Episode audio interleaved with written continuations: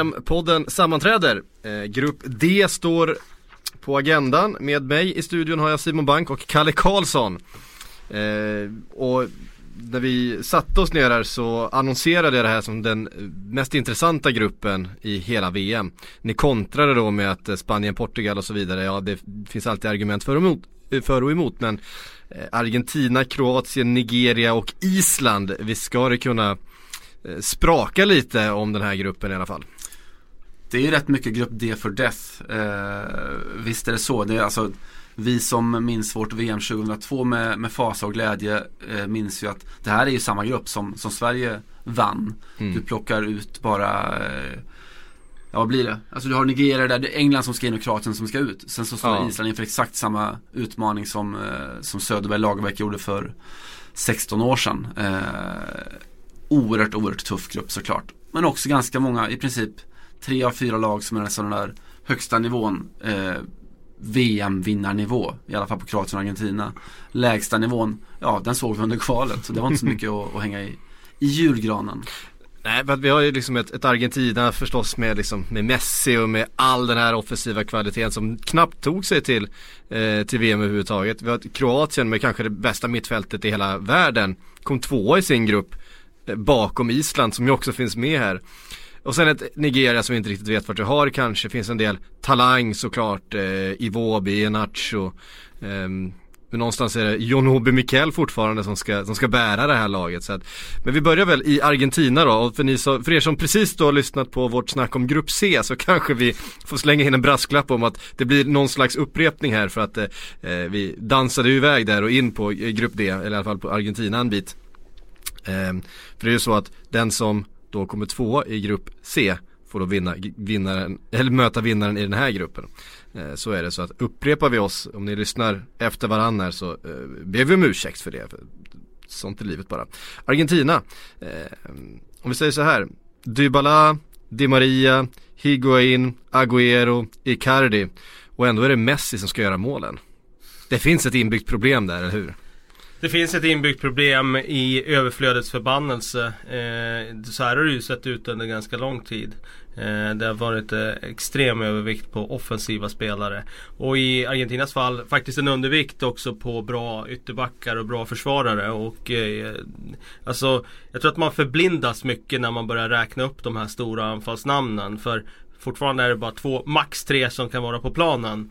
Och sen har du problemet att några är utanför truppen. Några är till och med på hemmaplan.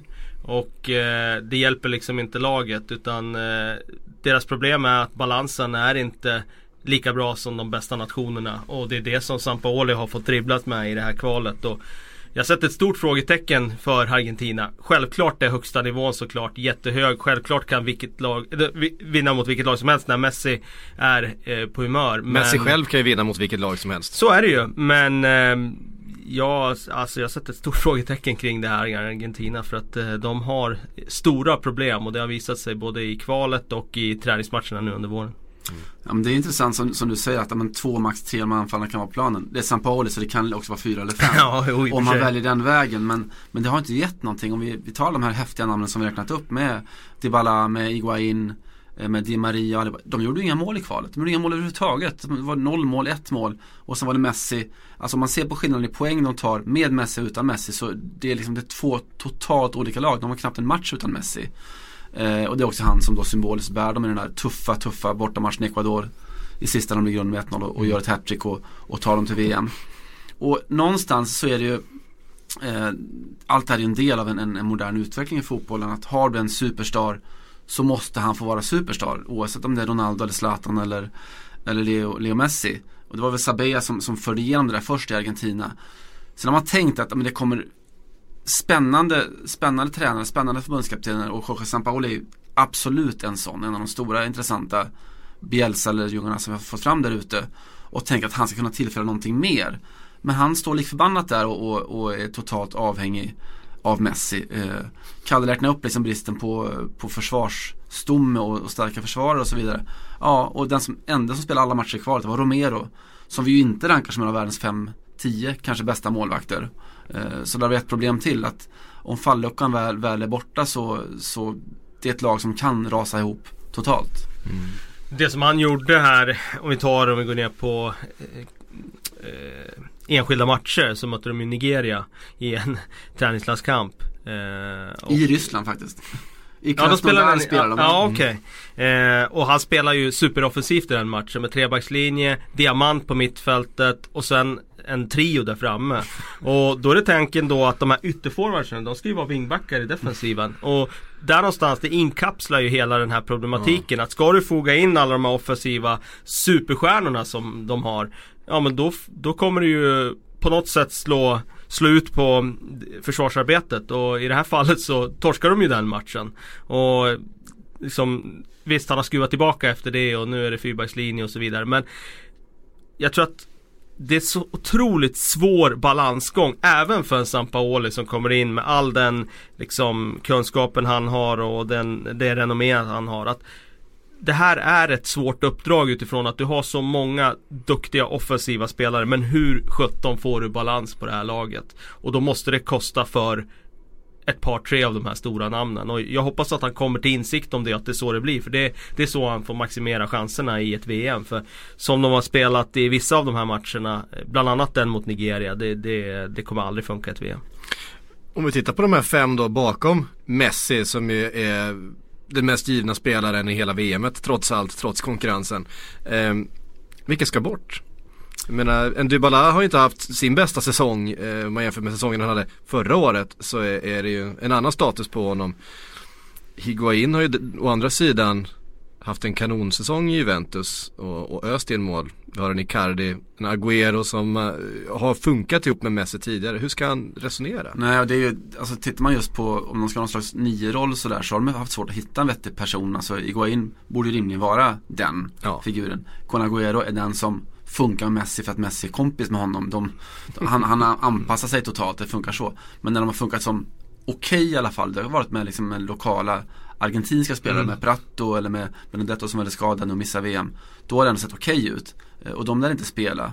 Eh, Dybala, herregud, alltså världens näst bästa Leo Messi är han ungefär. Mm. Men det finns fortfarande bara en boll på planen och bara en plats för en sån spelare. Så Dybala, det har varit diskussion, ska han ens med till VM? Eh, ska han ens vara med i truppen? För jag vet det var någon som sa, eller till och med så här halvt refererade till Sampaoli, att typ Sampaoli tänker ändå så här att är Messi inte med, alltså man tar med Dybala som en ersättare till Messi Men är Messi borta, we're still fucked så, så då spelar det ingen roll eh, Icardi verkar man vara överens om nu i Argentina, de som läser sina tecken att han lär förmodligen inte ens komma med i truppen eh, Överflödets förbannelse eller välsignelse eh, Det säger ju en del om en om, om vilken fantastisk fotbollskultur det där är Ett land som kan välja att inte ta med en av Serie A's bästa målskyttar. ja. En av världens bästa målskyttar får ja. man säga. Ja. ja. Ja, verkligen. Eh, men så kliver man ett steg längre ner då på det centrala mittfältet som ju någonstans ska vara fundamentet till att det ska bli något anfallsspel överhuvudtaget. De ska leverera de här bollarna. Vi hittar en, en Ever Banega som ju har blandat och gett de senaste åren och vad hittar vi där egentligen? En, ja, det är, är det en, en Mascherano? Ska han upp och spela på mittfältet eller är han Nej de behöver honom där bak också. De behöver honom där bak också. Plus att det, alltså utöver att det faktiskt är där, där han spelar mm. eh, sin fotboll nu för tiden så, så Mascherano kommer behövas som, som mittback tror jag. Eh, Bilja, en habil eh, spelare på alltså, mm. världsnivå om man ska säga så. Eh, och sen finns det inte jättemycket mer. Banega är ju också en, en bollspelare mer än en, och kanske en yt han känner av sina ytor och sådär men inte en, en, en hardman i den klassiska argentinska skolan. Ja, det, är, det är ju Mascherano får man säga. Han, mm. han, off, han, offrade, han, han, offrade mycket eh, förra mästerskapet. Han sträckte sitt anus. Det, det tycker jag var en, en uppoffring som var Det var en speciell eh, skada. de hade ju behövt en, en ung Diego Simeone. Det hade ju gjort under på det där mittfältet och i det här laget. Eh, det känns som att eh, de största problemen ändå är i försvaret faktiskt. Mm. Trots det där mittfältet. För mittfältet tror jag löser sig lite av att Messi han kommer alltid ner och hämtar bollen mm. ändå. Så att de kommer inte ha något problem att bygga upp spelet så. Visst, eh, de kanske blir lite sårbara i defensiva omställningar med Banega och så vidare. Men alltså tittar man på deras försvarare så ytterbackar. Mm Jämför med Spanien, jämför mm. med Brasilien, jämför med liksom Frankrike. De här. Det är ju inte i närheten av samma kvalitet. Det är ju Marcos Rojo.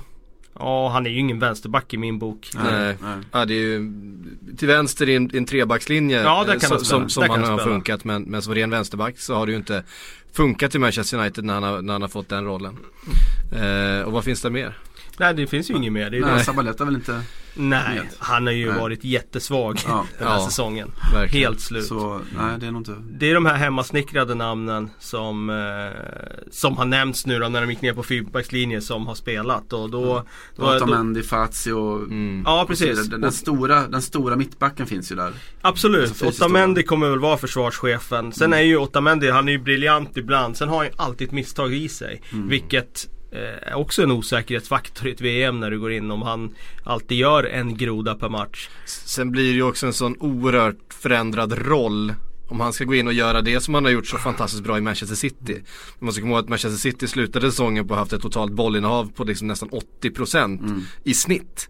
Det kommer inte Argentina ha. Eh, Allra minst med det här mittfältet som, som är ganska svagt, kommer förlora en del eh, De möter Kroatien i gruppen som sagt Och de har Kroatien i gruppen som, som kan trilla boll eh, och kan spela sig igenom det där. Så att det blir en helt annan uppgift för Otamendi i landslaget och i ett VM än vad han har haft. För han har ju varit fantastisk under, under säsongen i, i Manchester City.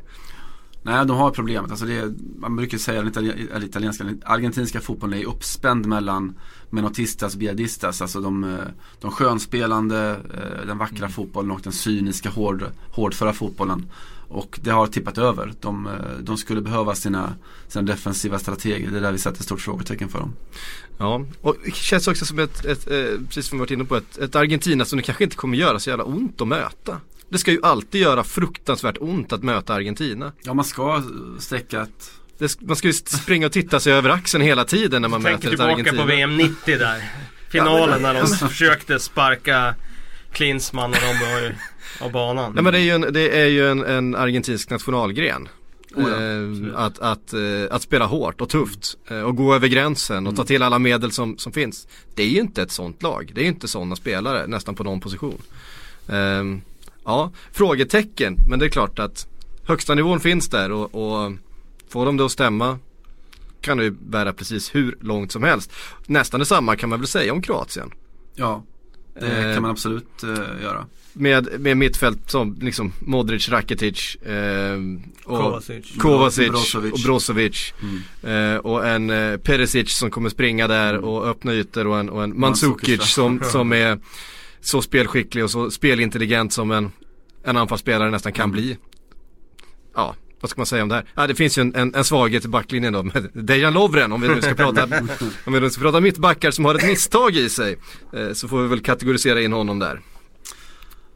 Ja, det, visst är det så. Sen så fortfarande lite frågetecken för var de står. Alltså, om man ser den, den lägsta nivån som de presenterade under kvalet. Eh, det organisatoriska kaoset som är det där förbundet. Ja. De, finns det en pistol i rummet så kommer de skjuta sig i foten med den. Eh, och det där var, alltså, det var, det var, ju, det var ju fars på slutet när eh, Cacic eh, de tappar poäng, alltså någon sorts slutminutspoäng hemma eh, mot, mot Finland. Han står i intervjun efteråt när liksom ett helt folk bara vill skrika avgå din jävel. Så står de och pratar konstant om att jo men Island tog poängen på slutet här och Island förtjänar att ta Vi har inte mött Island. Det var Finland vi mötte. Eh, så han gjorde inte sig själv några tjänster där. Eh, och sen gör man det märkligt att du sparkar honom alltså för, inför ett playoff. Dalic kommer in eh, från en, som man tror i alla fall, Zdravko Mamic. Alltså den store gudfadern i kroatisk fotboll, Dinamo-gudfadern. En väntar honom till en annan. Men det verkar ha fallit lite grann på plats. Dalic med en ganska enkel filosofi att ja, men jag låter spelarna spela på sina ordina- ordinarie positioner. Spelar du eh, vänsterytter i ditt klubblag, ja, men då spelar du vänsterytter hos oss också.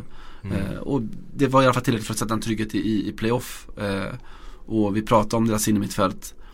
Jag tycker att de har världens kanske bästa spelmässiga innermittfält med, med Rakitic och med Modric. Eh, och ett par duktiga vikarier där också. De, de kommer kunna hävda sig i, i ett gruppspel. Eh, det känns absolut så. Eh, Zlatko Dolic är ju intressant på det sättet att vi vet ganska, eller i alla fall jag vet ganska lite om honom. Eh, Men han har gjort eh, framförallt sin, stora delen av sin karriär som, som tränare i, i liksom Mellanöstern och i Förenade Arabemiraten. Eh, och kommer rakt Var in han i Saudi egentligen. också eller? Vad sa du? Var han i Saudi också eller? Nej jag vet inte. Eh, jag tror Jag att han minns var inte om han ja. var där, men han har ju varit i de stora klubbarna Mm. i alla fall där borta. Ja precis. Al-Ain och- Al-Ain. Eh, Al-Ain och Al-Hilal och Al-Hilal vad och sådär. Eh, men Al-Ain är väl eh, Förenade Arabemiraten va? Finns på två ställen. Ja, det det, är, inte, är det inte så att det finns ett eh, Al Hilal i, Ja. i varenda arabiskt land. Ehm, men eh, någonstans eh, också en karriär i Kroatien. Mm. Men det är liksom en, en, en tränare som kommer in med ganska mycket press ändå här och, och förväntan att det ändå ska bli avancemang från den här gruppen. Ja, eh, alltså oskrivet kort. Det, det går varken att säga bu eller bä. Han har ju gått den här, vad jag förstår, förbundsvägen. Han har ju varit assisterande förbundskapten i U21. Det var där han kom in från början. Och var där under fem år. Så att eh, jättesvårt att bedöma vad han eh, har för liksom, kvalifikationer och vad han har för kvaliteter för att klara av den här pressen som du pratar om. Mm. En, en eh, kroatisk Roland Andersson. Alltså det, det är tufft. Alltså det, vi såg EM senast och insett att det är en tuff miljö att vara fotbollstränare i. Kanske en fördel att ha kommit lite grann utifrån i alla fall eh, från de senaste åren. Att vara lite oskriven. Det var många i Kroatien som också undrade vad, vad är det vi egentligen vi får. Mm. Eh, snarare misstankar om att det här är något Mamic planterat nytt som vi fått igen. Men de, de tidiga tecknen är, eh, är goda och det finns ett lag. Det är sådär vem gör målen? Alltså Kalinic, om man frågar alla milanister så Nej, han kan inte göra mål. Och frågar de som bor i, bor i Floren så, så kan de vittna om att han är, han är en ganska bra en-touch-spelare i och runt straffområdet och bollen kommer komma dit. Så att vi kanske får se den riktiga Kalinic eh, under VM snarare än, än vi har gjort i Serie A den senaste säsongen. Men det är ju alltid någon spelare sådär i VM som har gått dåligt i klubblaget som bara Mm. exploderar i, väl i turneringen. Och, ja, varför inte han? Mm. Nu ska jag kalla det fram Toto Schillaci här. Ja precis, exakt. Ja, fan Cissoko för två år sedan. Mm. Ehm, eh, och man hade alltså Island i sin grupp. Och, Och Finland. och, och Finland, eh, så är det.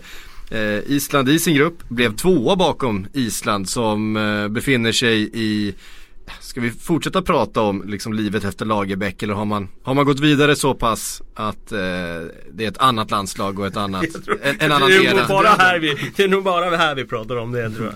Det är nog bara här i Sverige vi pratar om Lagerbäck fortfarande. Men det sitter väl i ganska mycket, det är fortfarande fyrbackslinjer. Absolut. Oftast Ja, ja. två Ja stycken. men, ja men det är det jag menar, någonstans är det väl liksom Lagerbäck-fotbollen som Ja. de fortfarande är fr- framgångsrika med. Absolut, det är ju ingen tvekan om att det är hans arv som lever kvar och att det är samma typ av fotboll. Det jag menar är att jag tror att det är nog bara i Sverige vi pratar om Lagerbäck nu Ja, ja, för det här jo, det- VMet. ja, men det det är är väl klart. naturligt. Ja. Men ehm, han satte ju stark prägel på det i Island och det är klart att de kör vidare på det. Det är ju så de har chans att vinna fotbollsmatcher. Så att ehm, det, det kommer ju vara ett Island som spelar extremt lågt, disciplinerat, organiserat och eh, hoppas på att den där omställningsmöjligheten dyker upp och det kommer den ju göra. Sen gäller det att ta den. I EM senast så, så var de ju effektiva när de väl fick lägena och fick de ledningen i matcherna var de extremt svåra att bryta ner. Så att det är klart att det är svårt att, att möta ett Island som får det första målet. Får de inte det första målet, ja då, då tror jag det blir tufft för dem. Och den där inkastvarianten kan ju inte hålla ett mästerskap till. Det känns som att alla borde ha scoutat den nu. Ja, samtidigt, inkast är ju svåra att försvara sig mot alltså. Är det verkligen så? Är det, är, är, det, där, det där låter ju som en, det svåraste som finns ju att leda med 2-0. Ja alltså det, det, det straff, straffsparkar är, är, är snäppet svårare, annars är det inkastaren. Nej, men det svåra med inkast är, har du en långkastare så det är svårt att Det är svårt att få kraft att nicka bort ett inkast. Bollen blir ofta kvar i det området för att Det blir en andra boll, det blir en Och har du dessutom starka liksom huvudspelare då får du ju alltid en situation av det. Mm, det är en av få, få situationer som där kvalitet inte längre spelar någon roll. Nej, det, det är en, det är en separat moment i spelet. Till och med en frispark eller inläggsfrispark krävs en viss form av teknisk skicklighet. Inkast kräver ingenting. Nej, en långkastare, stora biceps. spelare eh, och ett jäkla bra andra bollspel så har du ju en situation. Och det är ju klart att eh, det är inte är målchans varje gång men du får ju ganska många inkast på en match. Säg att du kanske får 12 lägen att kasta om du har en Rory D-lap i laget. Ja, det är 12 det är 12 hörnor. Det är klart att det blir farligt. Det är fantastiskt vilken prägel eh, Rory Dilap ändå har satt på, på, inkastare, på inkastare världen över. Det. Eh, var Ja. de hårdaste inkasten som, som vi någonsin har registrerat. Ja det finns väl också en sån här inkastcoach nu som är runt. Jag vet att flera danska klubbar har anlitat och sådär tagit dit som är, som är expert på det. det jag, jag tycker det, man kan garva åt men det låter ju fullkomligt sunt. Som vi är inne på, ett av få moment i spelet. Som, det spelar ingen roll hur teknisk eller taktiskt skicklig du är. Du, du har en kille som kastar långt och du har ett par starka gubbar i, in i boxen. Det är klart att vi ska träna mycket mer. Alltså effekten, eh, marginal, eh, värdet som man säger på det, marginalvinsten på det är ju enorm om du lyckas träna in vettiga fasta i allmänhet och vettiga inkast i synnerhet. Sen har du en annan aspe- aspekt med inkast och det är ju där, har du en långkastare så får du det där inkastet långt ner på egen planhalva, nere vid egen hörnflagga. Har du en långkastare då kommer du ur den Mm. situationen. Till skillnad från har du inte det så då är du ju kvar nere vid egen hörnflagga. Och det är klart det är en jättefördel om du bara kan kasta dig ur en sån situation som ibland är ganska jobbig att, att ha. Eh, kan vi snälla få slippa vulkanen i sommar? Marcus, Nej, Marcus Vulkan. Eh, jag vet inte ni som ska dit, ni kanske får dras med honom. ja, har du, tänk, du tänker vul- klappvulkanen? Ja, ja, okej. Ja, jag tänker på klappvulkanen. båda frågorna är relevanta. Eh, nej, jag tror att den sitter och den, den, den kommer sprida sig som allting som är dåligt med den moderna fotbollen. Så kommer det sprida sig. Och det var väl så här, det var väl halvokej när Island gjorde det. Det var väldigt charmigt och lite kul och Det sådär. var ju kul två gånger när Island gjorde det. Ja, och sen så kopierar alla det och sluta kopiera saker. Eh, generellt, fotbollen har aldrig någonsin gått framåt av att folk kopierar saker. Precis. Dessutom så är det ju en klassisk raketen. Den som vi alltid, Ja, man, man alltid gjorde på, på dagis liksom. Eh, så jag vet inte. Eh, Men eh, för att svara på din fråga, jag tror Island får tufft i det här VMet. Så jag tror att vi slipper dit- vulkanen, dit- dit på vulkanen efter deras matcher i alla fall. Ja, eh, för att det är en, en tuff grupp. Jag tänkte säga det, just Sigurdsson är ju ett Mm. jättefrågetecken med sin skada. Han är ju tagen i truppen nu men han har ju inte spelat nu sedan i mars. Stora stjärnan. Mm. Eh, helt fundamental för dem att ha den där Mr X-spelaren. Inte minst Gi- kring Gilby fasta. Sigurdsson vi pratar om, inte Ragnar. Nej, precis. Gilvia. precis. Eh, Eh, just att ha med hans leverans, Mm. hans poängfot. Ja, är inte han med då känns det som att Han är den enda. we're, we're fucked anyway. Ja, Nej, men han han är den enda riktigt sådär, alltså nu ska vi inte om det låter som att vi rackar ner på Island och liksom förminskar dem till ett inkastlag så Nej absolut inte, det är ett av de mest fascinerande Frustande, passionerade, löpstarka Taktiskt skolade lagen vi har sett i Alltså överpresterande lagen vi har sett liksom i, i den moderna landslagsfotbollen Så alla hattar av Men det är fortfarande så att den enda sån där X-faktorspelaren som Kalle pratar om som de har Det är Gibi Sigurdsson Är inte han med och du tappar det då får du Du får försvara väldigt, väldigt långa matcher och speciellt om du är upp mot Ja, Kroatien och Argentina i, i första hand och, och det jag sa, ska man då dessutom ha till det där målet att försvara så behöver man ju någon som kommer upp på en, alltså ett, ett kvalitetssnäpp Mm. till. Och det är ju egentligen bara Gilvi med framförallt hans, eh, hans fötter på, på, eh, på död boll liksom. Hans frisparkar, hans hörner som, eh, som verkligen har det. Den där riktiga internationella klassen. Eh, Finn Bogason och allt i, i all ära, det, det, är, det är bra fotbollsspelare. Det är inga eh, suveräna fotbollsspelare. De, gör, de kan göra ett jobb. Sen såklart, vi, vi håller på Island, så det är ett lag som kommer ställa upp med, med Kari Arnason och, och Ragnar Sigurdsson mot Lionel Messi. Eh, det är inte svårt att liksom sortera sina sympatier. eh, Nej, det är klart man känner med dem. Det är mycket svensk kopplingar i det här laget vilket är naturligt och jättekul. Minsta nationen någonsin i ett VM. Mm. Föga Ja. överraskande. 300 000 invånare så det vore konstigt annars. Ja, det, Chi fick Panama. Mm. När de väl tar sig dit så. När de väl tar sig dit så finns det någon som är mindre.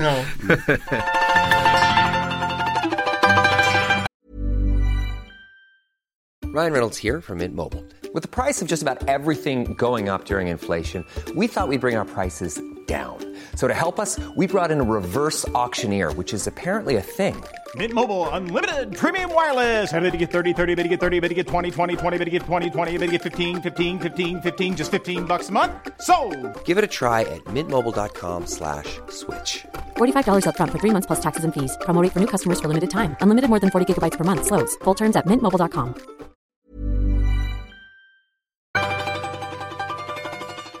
Före vi går vidare så ska vi passa på att eh, påminna om eh, vår tävling som vi gör tillsammans med vår sponsor Hyundai. För du har chansen att vinna två biljetter till matchen mellan Sverige och Sydkorea på Novgorod stadion den 18 juni. Ska du dit Simon? Det är planen. Det är planen. Eh, Kanske ni får syn på Simon där eh, från läktaren. För det är så att eh, Hyundai, Hyundai och Sportbladet har då tillsammans skapat ett VM-quiz för att tävla om eh, biljetter då med dina fotbollskunskaper. Eh, för att eh, vara med så eh, surfar du in på Sportbladet, gör det här quizet och sen delar du ditt resultat på Facebook så är du med och tävlar om eh, de här biljetterna och är med i utlottningen. Så lycka till och posta gärna eh, ni som vinner. Det finns eh, ett antal biljetter att vinna. Ni som vinner och tar det dit. Ni får ju gärna så, tagga VM-podden när ni står där. Tack! VM-podden, då skulle jag må bra. Gör något för mig också, vad fan. Eh, så är det. Och då rör vi oss vidare till eh, Nigeria. Ett Nigeria som ofta liksom har varit, det är ju det, det stora afrikanska landet och det stora fotbollsnationen eh, i Afrika. Men som inte kommer med kanske sin bästa generation här. Eller? Finns det några spännande namn? Ja, spännande finns det ju. Alltså, De vann sin, vann sin kvalgrupp ganska, ja, ganska enkelt. inga som var- mål överhuvudtaget i princip? Nej. och förlorade väl ingen match. Ja, Eh, förlorade någon på slutet tror jag när de var, redan, var var. Mm. redan var klara. Men det var en tuff grupp med Kamerun, med Algeriet och, och Zambia och sådär. Så att, eh, ganska enkelt ändå, enkel resa till VM. Ja, sen det, det är en, vi, vi skrattade åt det förut att det, det är ju perplext att se ett lag med Det finns jättemycket spännande spelare men det är fortfarande så att Obi Mikel är, är stjärnan och den som ses som stjärnan. Och det känns som att det är sådär tillbaka till framtiden Varning till den, tillbaka till dåtiden eller vad man säger. Det var, det var länge sedan. Ja. Det känns som att han, han skulle kunna sluta spela fotboll utan, utan att man märkt egentligen. Vart spelar han nu för tiden? I Kina. Ja. Han spelar i Kina förstås ja. Mm. Eh, och, men resten är väl mycket de här, alltså, som vi nästan ser som engelska I princip engelskfödda eller engelskfostrade spelare, många av dem. Med Iwobi med Iheanacho, eh, Victor Victor, Moses, eh, Ola som är jätteviktig. Ja. Nej, det, jag tycker det är roligt att deras, eh, att man eh, en backlinje som skulle kunna stå Ola och Kenneth Ja, på ryggarna. Det hade jag gillat. Det hade, det hade, kul. det hade, det hade bidragit med någonting. Men jag tror, om vi bara hänger kvar i det, jag tror att där luras man också lite grann. Precis som man luras av Argentinas all eh, offensiva liksom, glans så tror jag man luras av att Nigeria är det största fotbollslandet. Man tänker tillbaka på att de ska vara bra. Jag tittar på det här laget så jag blir inte superimponerad av det här. Jag tänker tillbaka på Nigeria när det är liksom 94 med Amokachi och de här superlag. Ni- 2002 också Med väldigt JJ. bra. Ja men precis och s- liksom 2002 har de ju också ett väldigt bra namnkunnigt lag. Det här är ju inte alls på den nivån. Visst de här unga bra som är i Premier League är ju bra spelare men det känns inte som att det är eh, de snackar om eh, semifinal här såg jag Ahmed Musa gick ut och surrade om. Jag har väldigt svårt att tro att de ens går vidare från gruppen. Det skulle vara en jätteframgång i så fall. Ja, alltså vi pratar om liksom Alex Iwobi och Mm. Iheanacho och ehm, Isaac Success. eh, och sådär. Det är ju liksom, det är duktiga fotbollsspelare men det är ju Genom ram, ja, de har ramverket runt också. Finns det verkligen? Ja. Är de ramverket? Det är ju det är jättetveksamt. Alltså alla som har sett de här spelarna. Det känns ju som bonusspelare allihop. Ja, hur många mål har Nacho och Han gjorde- gjort? han gjorde- två, tre mål var eller? Ja, typ. I Iheanacho tror jag har gjort ett mål i ligan fram till nu sista omgången. Då Ja. gjorde han ju något här. Men eh, det säger väl någonting också om att, jag menar, kastar ut Iheanacho bland fotbollsfansen som följer Premier League här. Då tänker de nog, ja men bra spelare, varit i City, ja. kostar 30 miljoner pund, eh, typ. Det gör alla. Ja, ja men ungefär så. Sen har han bara gjort ett mål Mm. på fram till 37 omgången. Alltså, de är nog kanske inte så bra som man vill få Men det han till. lyckades ju inte slå sig in i Leicester liksom och, och det säger ju någonting. om- Aymen Musa han satt på läktaren i Leicester. Mm, mm, Eh, Även om jag tror att det är lite kulturkrock och så vidare. För sen var han tillbaka i CSKA Moskva nu på lån och där gjorde han ju mål igen. Ja, som är mer hans kultur. Ja, ja just det. Han verkar ju vara lite i alla fall akklimatiserad där borta. Ja. För där var han ju bra när Mm. han var där tidigare. Nej, och sen så det som kanske talar för är väl att, att Rohr, deras tyska förbundskapten, verkar ju lite ha insett det också. Han har inte skenat iväg i någon sån här San Paoli, låt oss balansera det här offensivt för där, där vi har kvaliteten. Utan de kan ju spela med både tre eller fembackslinje och fyrbackslinje eh, och balansera sig lite defensivt och sen gå på, på kontringar och där fart finns ju. Fart finnes. Eh, så att det kanske, just för Nigeria kanske kan passa hyfsat att, att Just just, möta Argentina, Kroatien, låta dem ha bollen. Förhoppningsvis komma lite lågt och så skicka upp ett, ett par. Hur mycket ligger på Victor Moses axlar? Jättemycket. Ja, han har ju mer offensiv roll i landslaget än vad han har i Chelsea. Där har han ju varit wingback i Premier League nu de senaste åren. Men eh, där, nu är han ju mer liksom ytter. I, som han var i Wigan en gång i tiden. Och det är klart att eh, han kan slå sin gubbe. Han eh, har eh, kvalitet när han spelar in den sista bollen. Och för Nigeria är han ju såklart eh, fundamental. Vad är det man sjunger? Oh Moses, oh Moses, he came from Norbury, he parted the Red Sea. Eh, nej han är väl den enda som är också som är liksom i åldersspannet, i karriärsspannet där man vill ha en spelare som är som allra, allra bäst. Han är etablerad, han är erfaren, han är taktiskt drillad, kunnig, smart. kan försvara, kan anfalla, kan slå sin gubbe, kan försvara mot sin gubbe. Han har också många minuter den här säsongen. Mm. Det har ju varit problem för honom att han hela tiden har varit en bit part player. Att han eh, aldrig har varit riktigt ordinarie. Alltså sen han lämnade Wigan egentligen. Han har varit utlånad och ändå suttit på bänken och, eh, och fram och tillbaka. Men den här säsongen har faktiskt varit hans säsong ganska mycket i Chelsea. Även om han inte förstås har varit den stora stjärnan så har han ändå gjort en plats till sin väldigt mycket. Eh, Så att han kommer nog in med ett större självförtroende tror jag till det här mästerskapet som någon slags ledare eh, offensivt för Nigeria än vad han hade gjort för, för ett par år sedan. Mm. Och sen Obi Mikel är ju såklart smart och klok och så vidare för att stadga mittfältet. Och sen har du ju en NDD på mitten som vi har varit väldigt lyriska Ja. över eh, i Leicester som har fyllt den där Kanté-luckan på ett väldigt, väldigt bra sätt. Och det tror jag är en sån där spelare som verkligen kan ta VM med storm. Sen är min fråga, kommer backlinjen klara av att försvara sig lågt och vara solid? Jag sätter ett frågetecken där. Är målvakten tillräckligt bra för att stå emot Kroatien, Argentina och spela defensivt och låta dem ha bollen och det kommer vina situationer i, runt och eh, kring egen box. Där är jag lite osäker. Det har, har det ju hänt en del på målvaktssidan där de hade, senast var det Nyama som var då inte släppte in, han kunde inte släppa in mål i, i, i Lille. Han var så oerhört, han var väl ligans i princip bästa målvakt då. De har inte lika väl Nej. förspänt längre. Nej. Eh, Det var en ung målvakt som hoppade in och spelade 45 minuter mot Argentina tror jag. Och sen dess har han varit med i, i leken. Nu minns jag inte hans namn men det säger väl någonting om att en ung målvakt kan komma in och bara bli Liksom, det, det är sällan det sker i landslag. Spelade 0-0 mot Rwanda här eh, i vintras. Eh, imponerar inte riktigt men, men eh, Tuchende Amavi säger vi då. Eh, Heja Rwanda. Mm. Eh, men det är också det där att eh, solida bakåt men det måste hända någonting framåt. Är det VMs sämsta målvaktsgrupp relativt sett? Kanske Ja kan det vara kan det vara. Kan det vara. VMs Så- sämsta mål, ja det, Ja, det Sobasic håller vi ju hyfsat högt ändå liksom. Ja, Men det det är fortfarande en, eh, en svag fyrplussa på honom. Ja, ungefär så.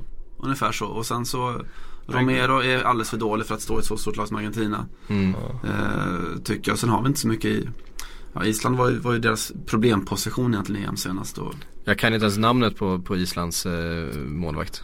eh, han heter Halv- Haldorsson. Haldorsson. Hald- Haldorsson. Precis. Mm. Eh, ja, nej det, det, är, en bra spaning. Men eh, blir det så som vi tror då? Argentina vinner, Kroatien tvåa. Är det så enkelt eller finns det en möjlighet till skräll här? Man vill ju, man vill ju gärna måla upp ett, ett lite mer intressant scenario. Jag tänker så här att det känns som att, att det finns potential att kommer Argentina fel in så kan det bli jättejobbigt. Kommer Kroatien fel in så kan det bli jättejobbigt. Kommer Island fel in spelar det ingen roll. Eh, Nigeria, alltså det kan gå också lite åt vilket håll som helst. Så att, n- nej jag tror inte att det nödvändigtvis behöver vara så enkelt. Jag, jag är inte he- helt säker på det. För efter det finns liksom en sån här en eh, självförstörelseknapp vilandes någonstans i både Argentina och Kroatien. Och det finns potential både i Nigeria och Island. Så att, eh, ja, alltså ber mig tippa så ja, det är klart att Argentina vill ge upp och Kroatien blir tvåa. Och sen så får andra göra på tredjeplatsen. Så vi utgår ju därifrån. Men jag skulle inte sätta min familj på det. Nej, eh, för det finns ju som vi varit inne på här uppenbara svagheter i, i alla de här lagen. Va? Eh, Om vi tittar på Island eller Nigeria då, vem vem tror ni har bäst möjlighet att utnyttja de här svagheterna hos eh, Kroatien och Argentina? Jag tror nog Nigeria, men jag har ju min tes där om att Alltså den lille puttnation som Island är, som skräller i ett mästerskap, EM senast. Då får man svårt att upprepa den. Eh, lite bara av min egen tes att man behöver ha lite tur med att det studsar ens väg. Med domslut, med chanser, med allting. Och det, det har man det en gång så är det svårt att ha det nästa mästerskap. Det ska mycket till.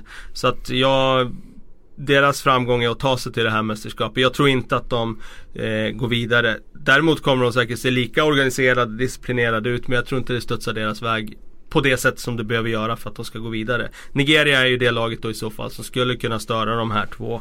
Och eh, det är klart att de kan göra det eh, om de får till det men jag utgår från att Argentina och Kroatien på något sätt löser det. Mm.